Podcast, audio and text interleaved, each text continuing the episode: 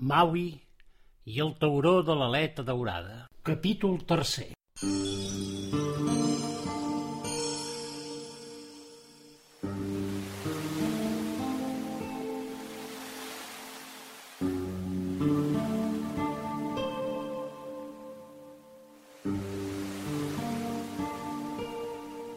Encara van passar una colla de dies perquè Maui es sentís amb forces per aixecar-se del jazz. Quan ho va fer, Kaupo el va portar a que conegués totes i cada una de les famílies que formaven el poblat. Finalment van arribar a la cabana de la família dels germans Mauna i Akala, els joves pescadors que el varen rescatar. Maui, en veure'ls, i sense que Kaupo li hagués dit res de qui eren, els va abraçar ben fort. Ell prou que ho va saber de seguida. Els havia vist en somnis mentre jaia inconscient a la cabana de la remeiera, o potser els havia vist mentre desvariejava al fons de la seva barca aquell dia que els dos germans el van trobar a la deriva. Mauna i Akala no entenien massa per què aquella abraçada, però ben aviat ho van entendre quan els hi va dir «Gràcies per salvar-me la vida. Us he vist en somnis i, a més, també us he vist en la meva aventura en cerca del tauró de l'aleta daurada. Des d'ara sereu els meus amics de l'ànima i, si en voleu, el vostre germà. Aquella nit es va fer una gran festa. Menjaren i begueren i ballaren balls que feia temps no ballaven degut a la sequera i a la falta de pesca. Tothom estava content i just quan la lluna plena rodolava per l'horitzó de l'oceà, Caupo els va fer callar i va cantar una cançó que deia així. No hi ha al cel tantes estrelles com somnis té la humanitat, més que brillin tant com elles, de somnis no n'hi ha pas tants. Mireu els ulls fixament del qui teniu al davant. Si dins l'ull veieu estrelles, és que el cor el té ben gran. Caupo va repetir set o vuit o més vegades la cançó, i mentre la cantava convidava els presents a cantar-la i a que es miressin els uns als altres mentre ella anava apagant les torxes que havien clavat a la sorra de la platja per fer la festa. No hi ha al cel tantes estrelles com somnis té la humanitat, més que brillin tant com elles, de somnis no n'hi ha pas tants. Mireu els ulls fixament,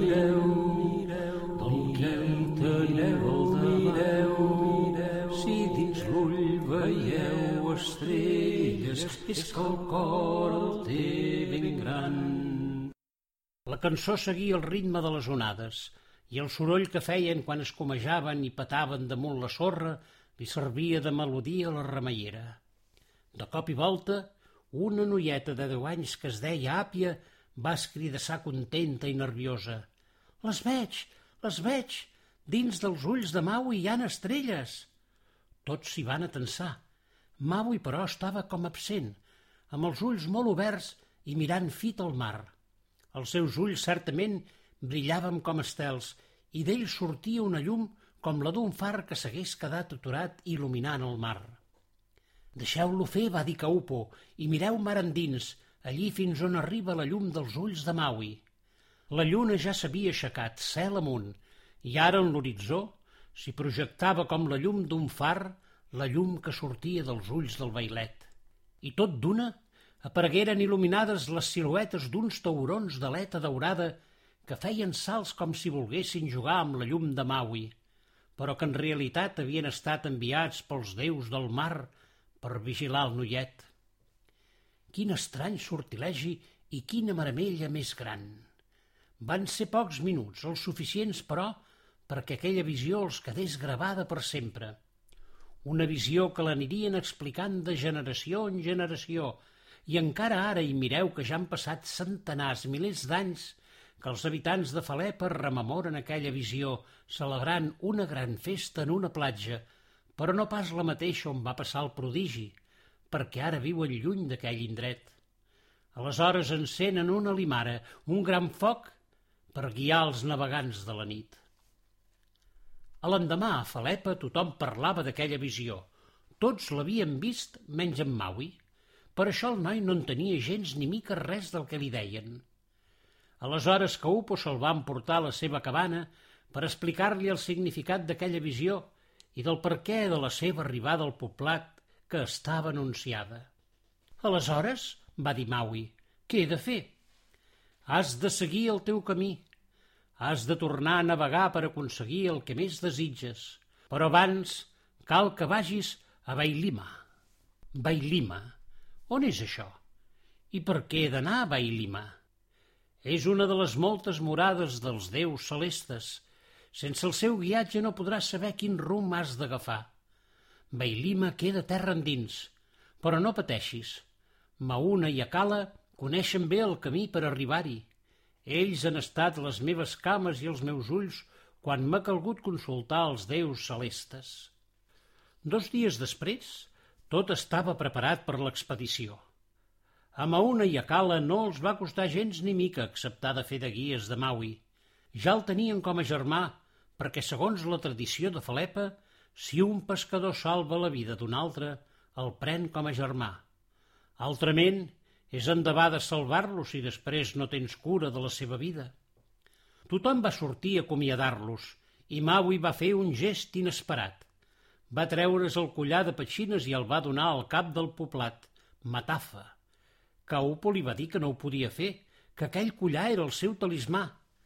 Però Maui va insistir i li va dir «Crec que mentre sigui terra endins, el collar no em farà servei. Crec que la seva força només és efectiva per a la gent de mar. Si el collar obre com ho va fer amb el meu poble, tindreu pesca i aigua assegurada. Matafa, el cap del poblat, li va dir que el penjaria a la porta de la seva cabana, però fins que ell tornés. Aleshores li lliuraria de nou. Uns quants homes de Falepa van preparar el carretó que feien servir per a transportar peix i altres coses als poblats de l'interior – i cultivava una mena de borret de pelatge sorrenc, amb unes orelles que li penjaven quasi fins al terra. Aquell carretó els aniria molt bé per a fer una bona part del seu trajecte. L'ompliren de queviures i de presents de tots els habitants de Falepa i li oferiren els tres nois. Així és que ben avillats van partir cap a Bailima.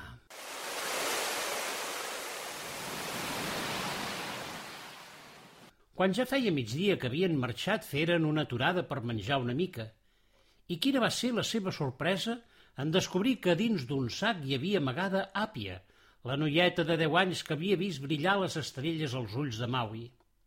Mauna i Akala van escridassar d'allò més Àpia mentre Maui intentava de posar pau. Tot i tenir només deu anys, la noieta era molt eixerida i resolta, i de totes totes tenia el propòsit d'acompanyar els tres nois. A més, va dir Àpia, Caupo sap que sóc aquí. Caram, van dir els tres alhora. Això t'ho inventes? No, no m'ho invento. Va ser ella que em va dir que m'amagués el sac. I també em va donar aquesta bosseta de pell de foca i em va dir no la perdis per res del món, aquesta bosseta, perquè dins hi has de ficar tres cosetes. Cosetes, cosetes, van dir a Cala i Mauna tot burletes. Quines tres cosetes? va preguntar Maui. No ho sé, em va dir que quan les veiés ho sabria. Tot això t'ho inventes, va dir Mauna, i el que hem de fer és girar cua i tornar-te al poble. Tu sí que em creus, oi, Maui?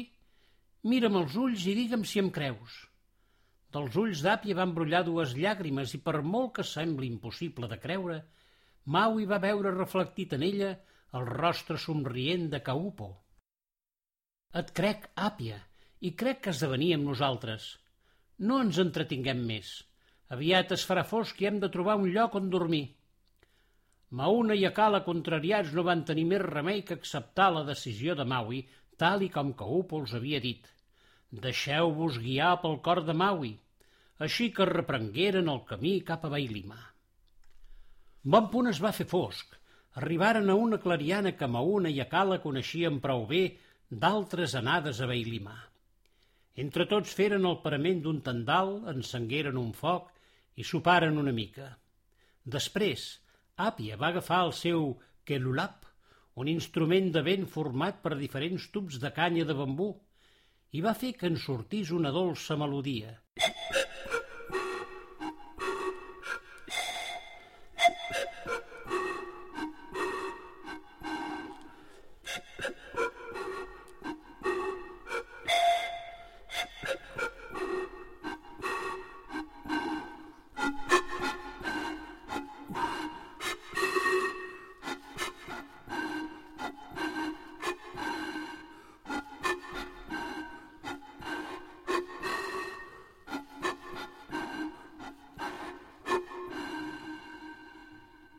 Mauna i Acala s'afegiren i cantaren la cançó, una vella cançó que invoca el favor de les estrelles.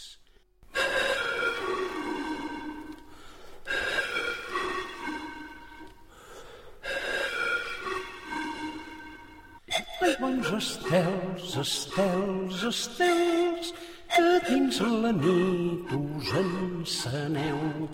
Ai, bons estels, estels, estels, els nostres cors il·lumineu i que il·luminin els camins dels qui naveguen mar endins i que il·luminin els camins perquè així els duguin als confins.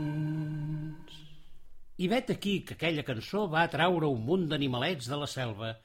Tots s'atensaven i jeien entorn de la foguera per escoltar-la, i fins i tot alguns animals s'atrevenien a acompanyar-la amb els seus udols, en especial el xiulador, un ocell ben rar que difícilment es deixava veure.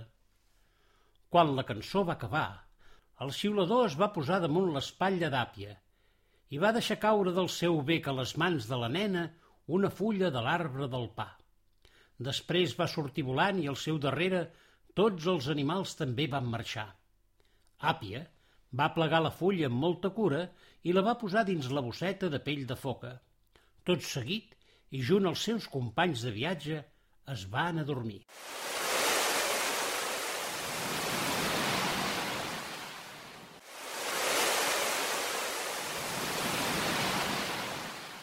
De bon matí reprengueren el camí cap a Bailima. Àpia era la que feia més via, però li va durar poc l'embranzida, i ben aviat va començar a demanar de descansar una mica. De cap manera, va escridassar a Cala. Tu has triat de venir i ara ens has de seguir. Però és que estic cansada. Ja descansaràs quan toqui, va resoldre Mauna. I seguiren caminant. La selva cada cop era més espessa i frondosa. Amb prou feines aquella mena de borret que tirava el carro podia avançar. A Cala obria camí amb el seu matxet i ensenyava a Maui com utilitzar-lo. Després d'una bona estona d'obrir-se pas entre el fullam, van arribar a un rierol i més amunt a un gorg que recollia les aigües precipitades que queien des d'una roca ben alta. Aquí farem nit, van dir els germans a Cala i Mauna. Ja pots descansar, Àpia. Però Àpia no va contestar. De fet, Àpia no hi era. Feia estona que caminaven i no s'havien adonat que no el seguia.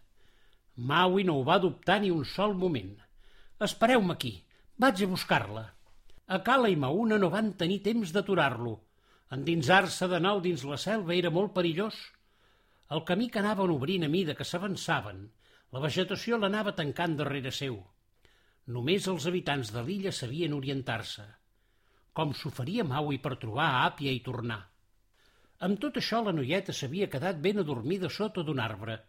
En despertar i trobar-se sola, va recordar el que li havia dit un munt de vegades al seu pare. Si mai et perds dins la selva, no et moguis del lloc on ets i posa't a tocar el quelulap. El seu so pot ajudar a qui et busqui, perquè sempre, sempre, sempre et buscarà algú. Però per més que feia sonar el quelulap, ningú no venia a trobar-la i el temps passava. Començava a fosquejar i les forces li flaquejaven. Amb prou feines li quedava bufera per fer sonar l'instrument. El sol minvava i la vegetació ja no va deixar passar les escorrialles de la seva llum. Tot era ben fosc. De sobte va veure en Maui talment com una aparició, només que era ell, de carn i os. Quina abraçada que li va fer àpia es va creure salvada, però no era del tot cert. Bé que havia arribat gràcies al so de la flauta de la noieta, però sortir d'aquella selva i arribar fins on era Cala i Mauna era tot una altra cosa. I per acabar-ho d'adobar, no s'hi veia un pam enmig d'aquella foscor que era com impenetrable. De cop i volta, un estol de penats d'ulls vidrats van començar a bronzir damunt dels seus caps – N'hi havia un munt i semblava que cada un d'ells anés en una direcció diferent, però a poc a poc van començar a fer dos rengleres en paral·lel que traçaven un camí enmig de la selva. Àpia i Maui es van mirar i van pensar el mateix. Els ratpenats els mostraven el camí que havien de seguir per arribar on eren a Cala i Mauna. Agafats de la mà començaren a caminar i Maui feia anar a tort i a dret el matxet obrint-se pas per entre les fulles. I a mida que avançaven, els ratpenats que es quedaven endarrerits volaven al començament del camí per seguir-lo il·luminant i guiar els veilets. Els seus ulls vidrats espornejaven i mostraven en claredat el sender enmig de l'espessita selva. Era tal la seva lluïssor que semblava que s'havia fet de dia. Finalment, arribaren a lloc. Aquell gorg on Acala i Mauna els estaven esperant. Els ratpenats aleshores trencaren la formació del camí i després de giravoltar en mil direccions s'enfilaren en espiral roc amunt per on queia el salt d'aigua i es ficaren per un esboranc. Un d'ells, però, abans de desaparèixer, va deixar caure un dels seus ulls al peu d'àpia. Era una bola de vidre lluminosa que desprenia llums de tots colors. Àpia va recollir aquell present, el va embolicar amb un drap i el va ficar amb molta cura dins la bosseta de pell de foca i just quan l'ull era dins es va apagar. Podeu comptar la sorpresa que havien tingut els dos germans en veure aquella lluminari que se'ls hi acostava. Sorpresa que s'esdevingué alegria pel retrobament dels seus amics. Quines rialles i quines abraçades! Però calia refer les forces fer un bon sopar i dormir, no sense que abans a Cala i Mauna expliquessin el misteri de Bailima i el seu turó anomenat Baea.